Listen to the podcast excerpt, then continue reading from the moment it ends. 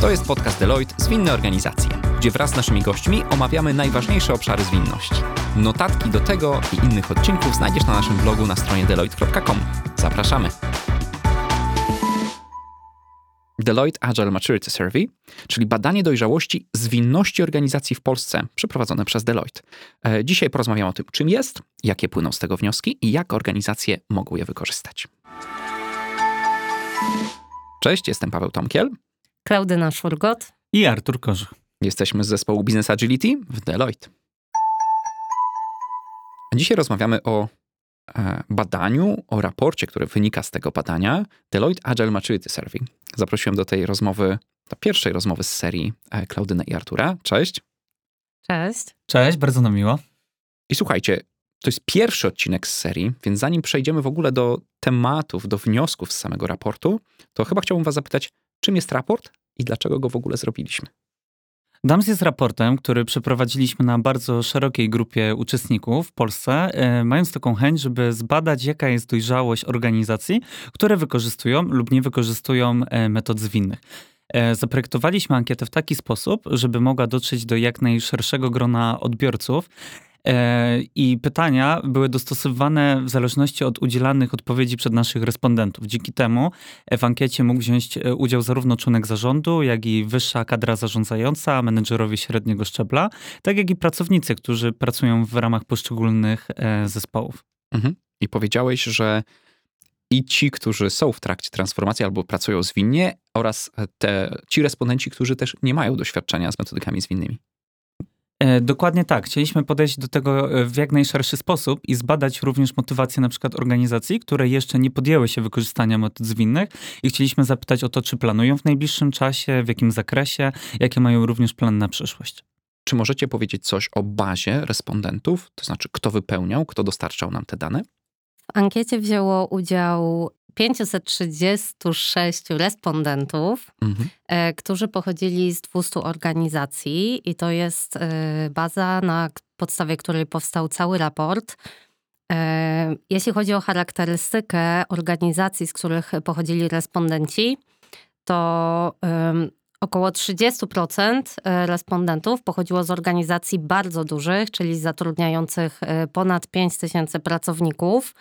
Natomiast e, w całej ankiecie mamy reprezentantów tak naprawdę e, organizacji najróżniejszych wielkości, e, łącznie z takimi, które zatrudniają raptem kilku pracowników. Okej, czyli od kilku do powyżej 5 tysięcy. Dokładnie tak. Ale powiedziałeś, że e, powyżej 5 tysięcy to jest 30%, czyli znacząca grupa. Tak. No dobra, to to jest wielkość e, organizacji. A czym się one zajmują? Co więcej możemy powiedzieć o respondentach? Zdecydowanie największa liczba respondentów pochodziła z e, branży nowych technologii oraz rozwiązań IT. E, W drugiej kolejności mamy bankowość, około 15% e, respondentów pochodzi z bankowości. I trzecią, taką najpopularniejszą branżą, z której pochodzą nasi respondenci, są usługi finansowe. Ale mamy też bardzo dużo respondentów, którzy pracują w organizacjach zorientowanych na przykład wokół handlu, wokół ubezpieczeń, doradztwa, e, marketingu, telekomunikacji, nowych mediów. Także zbadaliśmy bardzo szeroki przekrój polskiego rynku, jeżeli chodzi o wykorzystanie zwinnych metod. Czyli mamy jakby samo badanie, wiemy już trochę o tych, którzy odpowiadali na, na, na to badanie. A jakie było nasze podejście do samego zbadania? Czy możecie powiedzieć więcej może o strukturze tego o, wynikowego raportu? Tutaj warto wspomnieć, e, że jest to pierwsze takie badanie, które zostało przeprowadzone na polskim rynku. E, Taką główną inspiracją dla nas e, był raport State of Agile, e, czyli badanie uwzględniające respondentów z całego świata. Natomiast w Polsce nikt jeszcze nie przeprowadził badania, które zebrałoby takie podstawowe informacje na temat e, dojrzałości organizacji stosowaniu metod zwinnych. Dlatego w naszym badaniu chcieliśmy zebrać e, charakterystykę organizacji, e, dowiedzieć się, które organizacje w ogóle stosują metody zwinne, e, od ilu lat stosują te metody, które metody dokładnie są najpopularniejsze, jakie są korzyści i jakie są wyzwania podczas stosowania metod zwinnych. Cały raport podzieliliśmy na, na kilka części. Zaczynamy od takiego podsumowania zarządczego i przedstawienia, jakie są strategie transformacji, na których skupimy się dzisiaj e, w naszym dzisiejszym podcaście. E, dwa kolejne rozdziały dotyczyły kultury zwinnej, perspektywy liderów oraz zespołów i to jest podcast, który wyjdzie jako drugi w naszej serii. Tak A trzeci podcast będzie dotyczył e, zwinnych procesów i metod wykorzystywanych w organizacjach. To, czego nie ujmiemy w ramach naszej serii podcastów, a możecie Państwo znaleźć w ramach samego E, raportu, e, to jeszcze taki rozdział, który będzie przedstawiał, e, jak pracują organizacje, które nie wykorzystują metod zwinnych, a na przykład chciałyby w niedalekiej przyszłości. I też przeprowadziliśmy wiele wywiadów z liderami zwinnych transformacji z różnych firm działających na polskim rynku, który, którzy dzielą się swoim takim bardzo praktycznym doświadczeniem. Mhm, czyli takie trzy główne obszary: strategia, którą poruszymy głębiej dzisiaj, kultura, która będzie w odcinku drugim, oraz procesy i metody, które pojawią się w trzecim odcinku podcastu. No dobrze, to co badamy w obszarze tej strategii podejścia do transformacji zwinnych? Jasne, jeżeli chodzi o podejście do transformacji zwinnych, taka pierwsza y, kluczowa informacja to w ogóle w jakiej ilości organizacji na polskim rynku są wykorzystywane metody zwinne. I wydaje nam się to niezwykle ciekawą informacją, że 80% e, naszych respondentów deklaruje, że w jego lub jej organizacji są wykorzystywane metody zwinne. E, I druga taka bardzo podstawowa informacja to jak długo te metody zwinne są z sukcesami mniejszymi lub większymi wykorzystywane w danej organizacji. I prawie jedna czwarta respondentów deklaruje, że korzysta z metod zwinnych powyżej 6 lat. O, faktycznie długi okres czasu. Tak, bardzo duża część organizacji, prawie 40% deklaruje, że y, już od kilku lat wykorzystuje metody zwinne, zazwyczaj między 3 a 6 lat. Mhm. Natomiast pozostałe 40% y, stosuje te metody mm, około roku, około dwóch lat, a może nawet mniej. Także jest tutaj y, dla wielu organizacji jest to wciąż obszar do zagospodarowania. Myślę, że spory pik mógł być w 2020 roku, kiedy bardzo dużo firm przeszło nagle transformacje zwinne i cyfrowe. E, Okej, okay, no to to jest e, myślę, że taki, taki początek. E, co jeszcze?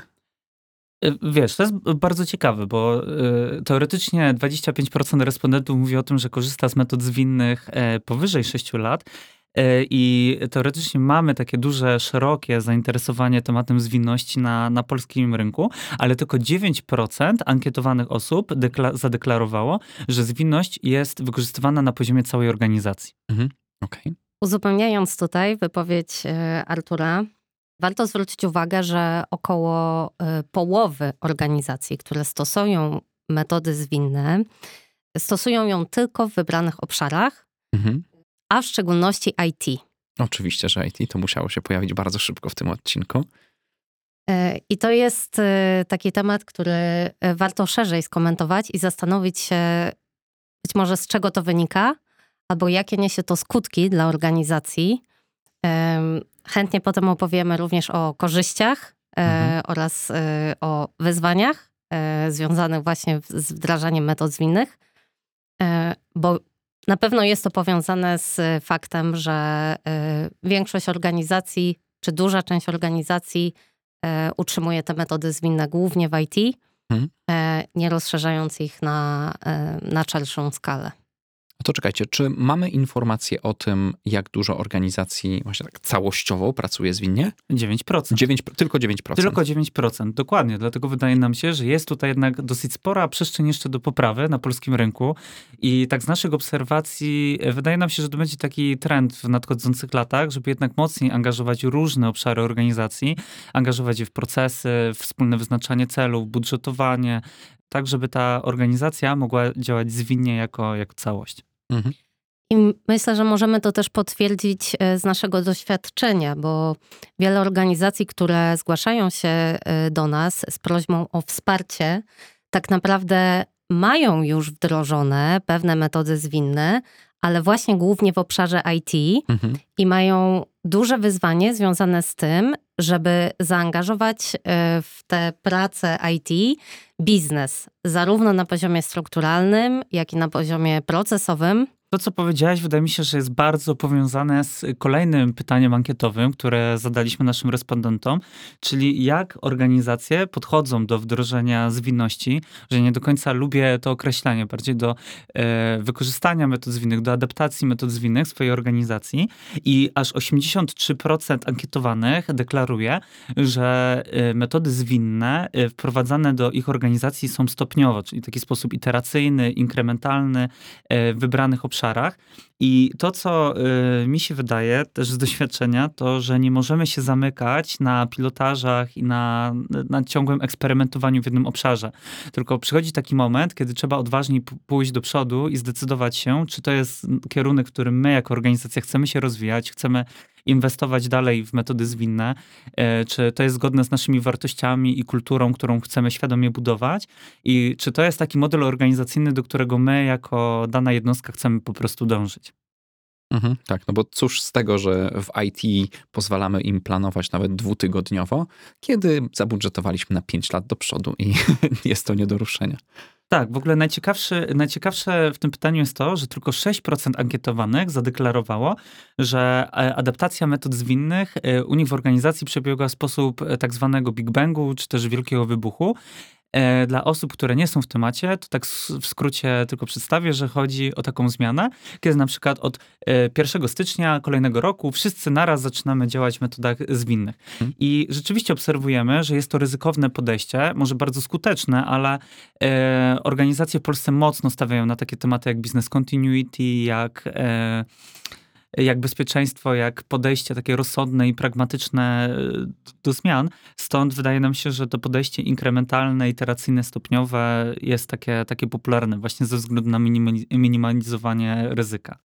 A to podejście inkrementalne, um, bo okej, okay, jest jedna w takim razie, skoro mówimy o strategiach transformacji, to myślę, że to jest takie dosyć duże, duże rozróżnienie, że pierwsze podejście jest faktycznie Big Bang, że zmieniamy wszystko naraz, jedna wielka zmiana, jesteśmy nową organizacją od jutra, e, a to podejście inkrementalne, czy wiemy, mm, jak duży procent organizacji, tych, które są w trakcie transformacji, jest przetransformowane oprócz tego IT? Bo to IT się będzie pojawiać. Ja wierzę, że to IT zawsze jest taka kolebka tej zwinności w każdej organizacji, ale czy mamy informacje też na temat tego, gdzie dalej poszła ta zwinność w organizacjach? Z raportu wynikają e, ciekawe informacje na temat e, tego, niekoniecznie w których obszarach strukturalnych e, transformacja została przeprowadzona, ale które procesy w organizacji zostały objęte zmianą związaną ze stosowaniem metod zwinnych. I tutaj w, takiej, w takim top 3 mamy tworzenie produktów i współpracę zespołową, mhm. co się wydaje bardzo naturalne i to jest zazwyczaj, jest to również powiązane z, z tym wdrażaniem głównie w obszarze IT, o którym już mówiliśmy. E, ale mamy też zarządzanie portfolio, planowanie i podejmowanie decyzji, czyli to jest mhm. drugi proces. I dla tych dwóch procesów ponad 60% organizacji deklaruje, że wprowadziło zmiany zwinne. Mhm. Czyli wytwarzanie i planowanie. Wytwarzanie i planowanie, e, ale również podejmowanie decyzji. I jest jeszcze trzeci e, element, e, czyli komunikacja wewnątrz organizacji. I tutaj, i tutaj mhm. 50% organizacji wprowadziło zmiany w tym obszarze. Um, jakiego rodzaju to były zmiany? Co rozumiem przez komunikację zwinną?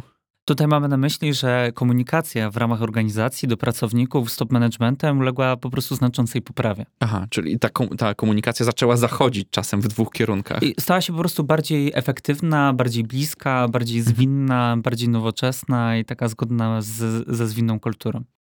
E, ja bym chciała jeszcze tu zwrócić uwagę na procesy, które były na, na dole tej listy. To znaczy, yy, bardzo mało organizacji wprowadziło zmiany w tych obszarach. Mhm. I e, niektóre z odpowiedzi nas zaskoczyły. E, jest to na przykład rozwój architektury technicznej. Tylko 26% organizacji deklaruje, że wprowadziły e, zmiany zwinne w tym obszarze, a generalnie wprowadziły zwinność. Mhm, tak. My z doświadczenia wiemy, że architektura nie jest bezpośrednio związana z samym mindsetem i budowaniem jakby kultury zwinności, Natomiast może to ten proces bardzo ułatwiać, tak. albo bardzo utrudniać. No tak, kiedy słyszymy hasło DevOps, nie? to jest połączenie gdzieś na styku developmentu z infrastrukturą chociażby. Dokładnie tak. E, też, e, też e, mówimy tutaj również o, o takiej tradycyjnej architekturze monolitycznej. Mhm. Wiele organizacji podczas procesów transformacyjnych decyduje się również na na zmianę architektury, na bardziej nowoczesną, opartą na mikroserwisach, mhm. E, ale jak widać, e, są one w mniejszości. Okej. Okay. E, jest jeszcze drugi proces, o którym warto wspomnieć. Jest to finansowanie portfolio i planowanie finansów. Jest to bardzo ciekawe, że tylko 22% organizacji wprowadza zmiany w tym obszarze, i z jednej strony jest to zrozumiałe, ponieważ e, są to procesy, które objęte są w dużym stopniu formalnymi procedurami i organizacjom jest bardzo ciężko e, wpłynąć na te procesy i mają mało odwagi w zmienianiu e, tego podejścia finansowania. Mhm.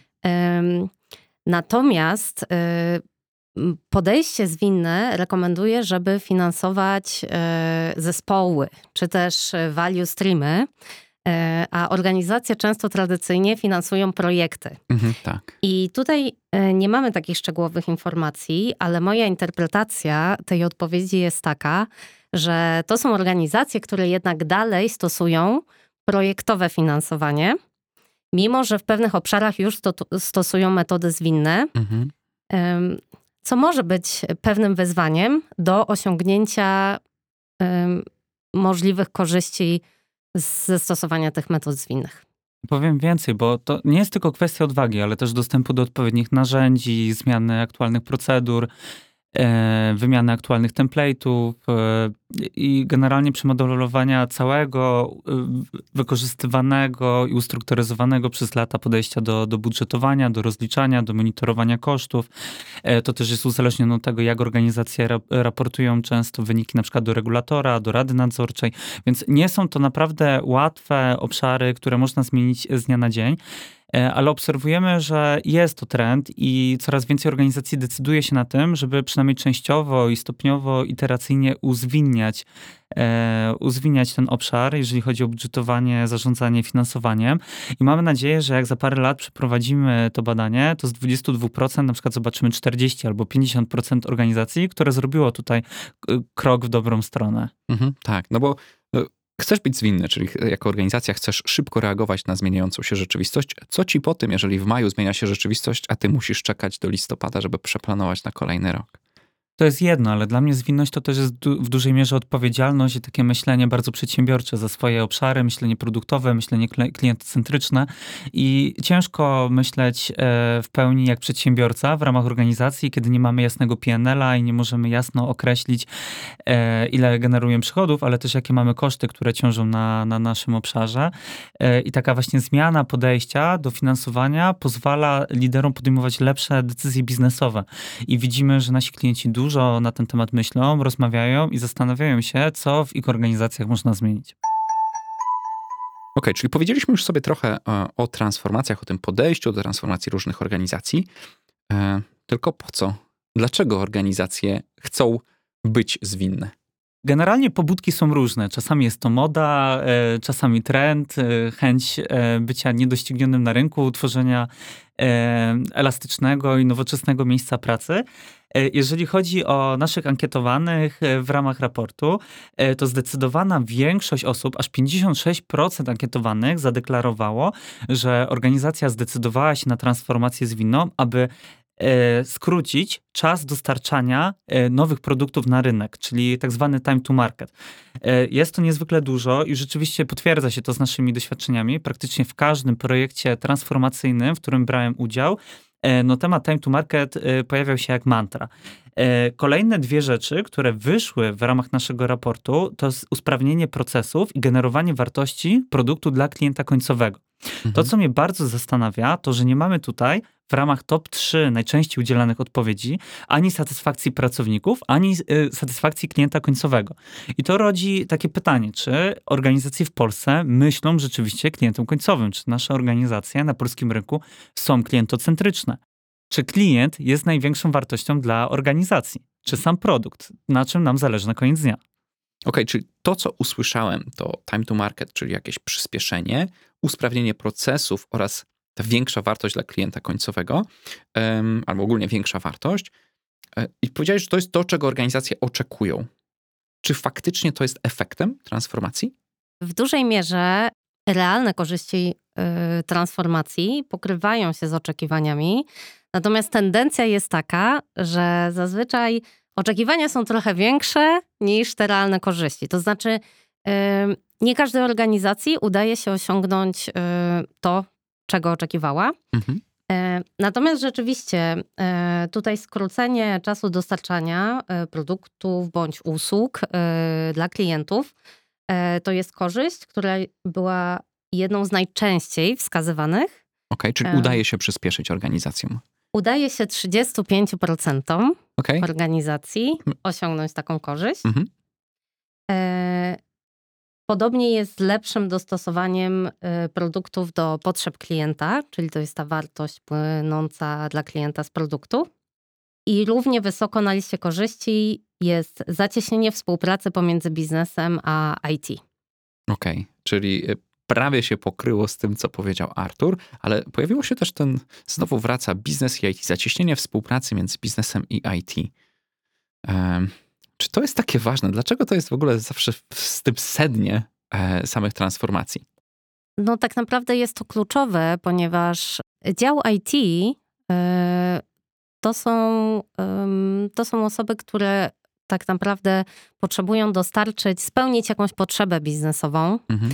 E, więc kluczowe jest to, żeby doskonale, doskonale rozumiały tę potrzebę, e, żeby e, komunikacja między biznesem a IT e, była e, efektywna, e, stała. A to z kolei jest możliwe do osiągnięcia, najłatwiejsze do osiągnięcia, jeżeli umieści się osoby z różnych obszarów, czyli z biznesu i z IT, w jednym zespole bądź w jednej jednostce strukturalnej. Okej, okay, tu się już pojawia cross-funkcjonalność. To jest oczywiste. Jak możemy rozmawiać o zwinności, kiedy postrzegamy naszą organizację jako dwie części, gdzie część biznesowa zleca pracę do mhm. osobnej jednostki, jaką jest IT, która ma dla nas coś dostarczyć w modelu dostawcy e, w ramach e, danej organizacji. Dla mnie to nie ma dużo wspólnego ze zwinnością, gdzie rzeczywiście, tak jak Klaudyna powiedziała, stawiamy na cross-funkcjonalne zespoły, gdzie gramy do jednej bramki, mamy wspólne cele, działamy szybko, zwinnie, wspólnie pracujemy nad daną wizją produktu, nad efektem końcowym. E, dlatego z, z mojego punktu widzenia jest to niezwykle, niezwykle ważne. E, jeśli chodzi o listę korzyści, to mamy również takie, wobec których są bardzo duże oczekiwania organizacji, ale niestety kompletnie nie udaje się ich osiągnąć, bądź bardzo małej części organizacji udaje się to. Mhm. I jest to y, zwiększenie satysfakcji klienta z dostarczanych produktów. 50% e, organizacji wierzy, że będzie to korzyść, którą osiągną z wprowadzenia metod zwinnych, mhm. natomiast ostatecznie tylko 10% deklaruje, że jest to realna korzyść. Okej, okay, że coś y, faktycznie klient końcowy z tego ma. Okay, to, dlaczego tak jest? Dlaczego? Jakie, jakie z waszego doświadczenia? Jak możemy to skomentować? Mi się wydaje, że wiele organizacji robi zmianę, ale ale zmienimy się tylko na poziomie zespołów, ale nie dotkniemy procesów organizacyjnych. Albo, ale y, nie będziemy zmieniali naszej struktury organizacyjnej, ale nie utworzymy dedykowanych ról. I bardzo często dochodzimy do takich sytuacji, że wiele organizacji wpada w taką pułapkę, że robią zmianę bardzo powierzchowną, y, przemalowują różne jednostki organizacyjne, ale nie dokonują takiej prawdziwej, mindsetowej zmiany. Y, I to później wychodzi. I E, ja w ogóle jak zobaczyłem wszystkie wyniki naszych respondentów i patrzyłem na wyniki ankiety, to zastanawiałem się, okej, okay, czy to jest tak, że zwinność nie działa fundamentalnie i czy to nie jest jednak dobry kierunek? I moim zdaniem nie, to nie tutaj leży problem, tylko że bardzo dużo organizacji idzie, robi jeden krok w, w, w kierunku zwinności, ale później spotyka się z jakąś ścianą, której nie, mhm. nie do końca wie, jak tą ścianę pokonać. Mhm. I w, w sumie e, to rozszerzę w takim razie swoje pytanie. To co byłoby kluczowe, albo jakie wnioski płyną z tego raportu? Co mogą zrobić organizacje, żeby faktycznie transformacje się udały, albo żeby te korzyści zostały osiągnięte? To jest bardzo, bardzo dobre pytanie, dlatego, bo szeroko pytaliśmy organizacje też o to, jakie są wyzwania w adopcji zwinnego modelu pracy. I aż 68% e, naszych respondentów powiedziało, że w ogóle mają problem w zidentyfikowaniu odpowiednich miar, które pozwolą im ocenić postęp zmiany. Dla mnie to jest strasznie duża ilość, e, która nie umie tego ocenić. Ale druga rzecz, która bardzo odpowiada na Twoje pytanie, to jest taki brak zrozumienia zasad zwinności i zaangażowania leadershipu e, w organizacji. Wynika, wydaje mi się, że to wynika z tego, że zwinność jest różnie rozumiana e, na różnych poziomach organizacyjnych. E, I też wiele osób boi się podważać statusu quo, nie do końca wie, czego może się spodziewać i czy to jest na pewno dobry kierunek dla nich. I tutaj taka zmiana mindsetowa, kulturowa, edukacyjna to jest naprawdę powolny proces, który po prostu musi zajść po stronie też leadershipu i kadry średniego szczebla. Zgadzam się z Arturem i ogólnie pytanie, Paweł, które zadałeś, jest tak szerokie, że jest na nie bardzo ciężko odpowiedzieć. Mm, Artur podjął bardzo fajną próbę. E, ja bym chciała to podsumować e, w taki sposób, że e, niektóre organizacje po prostu próbują robić agile, ale nie być zwinnym. Mhm. I to jest ta być może symboliczna różnica, ale taka, która może naprawdę zdecydować o, czy, o tym, czy transformacja będzie sukcesem, czy niestety okaże się porażką. Mhm. Czyli znów kultura i mindset. Zdecydowanie. Bo co rozumiecie? E, to już możecie odpowiedzieć ze swojego doświadczenia, niekoniecznie z raportu, ale co rozumiecie przez e, nie tylko robić agile, ale być agile? Wiele organizacji łapie się w taką pułapkę, że mają fajnie wykorzystane metody zwinne na poziomie poszczególnych zespołów wytwórczych, e, które pracują w jakiejś metodzie, na przykład w Scrumie albo w Kanbanie i naprawdę świetnie wykorzystują różnego rodzaju eventy, spotkania, narzędzia, e, artefakty i naprawdę świetnie sobie radzą, ale mają problem właśnie na takim poziomie organizacyjnym, że jeżeli zespół pracuje sam nad jakimś produktem, jest w miarę niezależny, to naprawdę ta praca idzie całkiem nieźle.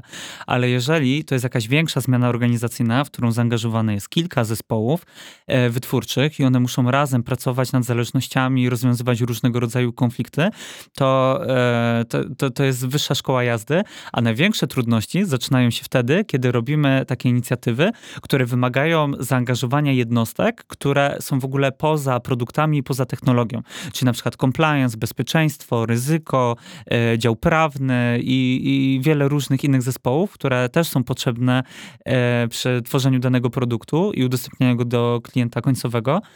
E, I wtedy e, no, często mierzymy się ze ścianą, że chcemy być zwinni, elastyczni i szybcy. Tylko pytanie, czy my jesteśmy w stanie myśleć o tym kliencie i działać sprawnie jako cała organizacja. I żeby to osiągnąć, bardzo pomaga takie ustrukturyzowane podejście do stawiania celów przez organizację, które będzie odpowiadało na na te możliwości, które daje nam zwinność. E, to znaczy, e, organizacje muszą znaleźć sposób, żeby mm, wyznaczać cele na odpowiednio krótki okres, ale w taki sposób, żeby móc angażować całą organizację w realizację tych celów właśnie w tym krótkim okresie. Mhm. Mi się wydaje, że poruszyłaś ekstremalnie ważny punkt, no bo możemy robić najlepszy planik na świecie, robić super dokładne wyceny, mieć pięknie nakolorowane burn charty, ale do czasu, aż my nie będziemy grali do jednej bramki, będziemy mieli spójność celów, e, będziemy wiedzieli, gdzie my zmierzamy jako zespół i te cele będą zgodne z naszymi interesariuszami, e, no to e, ciężko mówić o byciu Edge'a jako organizacja.